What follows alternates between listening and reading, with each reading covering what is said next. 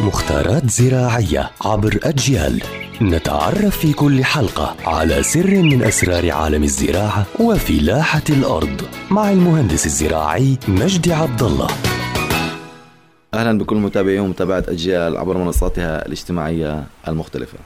معكم المهندس الزراعي مجدي عبد الله. رح نحكي اليوم أيضا عن مكافحة أبو بريس أو في ناس بسموه الوزغ، في ناس بسموه الوزغة، في ناس بسموه البرص اللي بدكم إياه. فهذا أبو بريص الخطير والمخيف بدنا نكافحه باستخدام بعض الطرق. قشور البيض.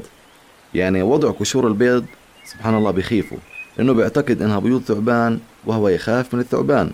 يعني عندي أنا قشور البيض تبع الدجاج أنا بدل ما أكبه بعتقد إنه أبو بريص موجود في مكان ما موجود في غرفة ما بحط قشور هاي البيض ومباشره أبو بريص بهرب منها.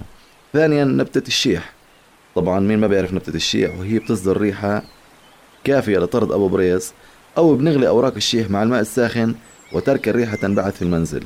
بمعنى أنا لما أغلي الشيح مع المي السخنة زي ما بغلي الشاي مباشرة هاي الريحة النفاذة لنبتة الشيح قادرة على أن تطرد أبو إبريس والطريقة الثالثة هي رائحة اللبان البخور رائحة كافية لقتله أو طرده. بمعنى أنا لما بغليها برش مباشرة تقتله فورا لأبو بريس فهاي أشهر ثلاث طرق أنا بقدر أكافح فيها هاي الآفة. ويعطيكم العافية.